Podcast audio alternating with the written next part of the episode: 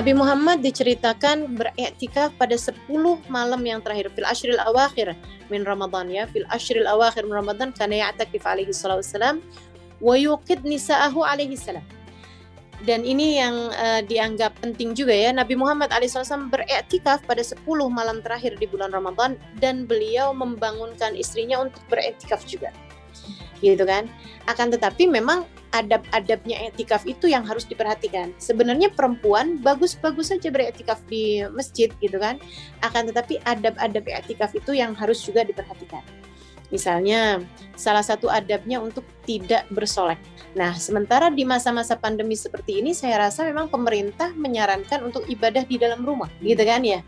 Nah, kalau memang masalahnya seperti itu, kita ikuti anjuran hmm. pemerintah dengan kita melaksanakan ibadah di dalam rumah, terutamanya bagi kita kaum perempuan. Hmm. Laki-laki yang bagusnya di masjid aja, sehingga menjadi uh, salah satu dari orang yang akan dinaungi di bawah naungan arsnya Allah. Salah satunya rojul mu'allaq qalbuhu fil masjid. Seseorang yang menggantungkan hatinya di masjid artinya setiap kali keluar dari masjid pengen balik lagi. Nah itu hmm. orang yang laki-laki yang seperti itu menjadi salah satu dari yang akan dinaungi di bawah naungan arsnya gitu. Itu aja di masa-masa seperti ini sebaiknya mengikuti anjuran pemerintah untuk menghidupkan uh, malam-malam dan hari-harinya dengan ibadah banyak di dalam rumah untuk menghindari semakin tersebarnya eh, COVID ya yang sekarang sedang menjadi pandemi di negeri kita sambil kita berdoa mudah-mudahan Allah SWT segera mengangkat penyakit ini sehingga kita bisa lebih leluasa untuk mengerjakan ibadah-ibadah baik di bulan Ramadan ataupun di hari-hari yang lainnya. Nah, kalau uh, seperti itu masalahnya untuk laki-laki yang memang sebenarnya baiknya di masjid, bagaimana pula dengan perempuan yang memang sebenarnya baiknya di dalam rumah. Hmm. Dan subhanallah, saya ada baca di dalam kitab salah satunya di dalam kitab fikihnya Imam Al-Baijuri, Ibrahim Al-Baijuri alaihi ridwanullah yang makamnya ada di Mesir. Beliau mengatakan di bab tentang i'tikaf diperkenankan bagi seorang perempuan untuk beretikaf di dalam rumah jika dia menjadikan salah satu bagian dari ruangan ataupun sudut rumahnya untuk dia jadikan sebagai tempat ibadah. Gitu. Dan ini juga sangat saya sarankan kepada perempuan mana pun begitu ya untuk menjadikan kalau tidak bisa satu ruangan ya sekurangnya satu sudut rumahnya. Satu sudut kamar nggak harus besar-besar gitu kan ya. Kita lihat aja tempat kholwatnya Habib Abdullah bin eh, Abu Bakar al terus di Tarim sana hanya seukuran sejadah beliau saja gitu.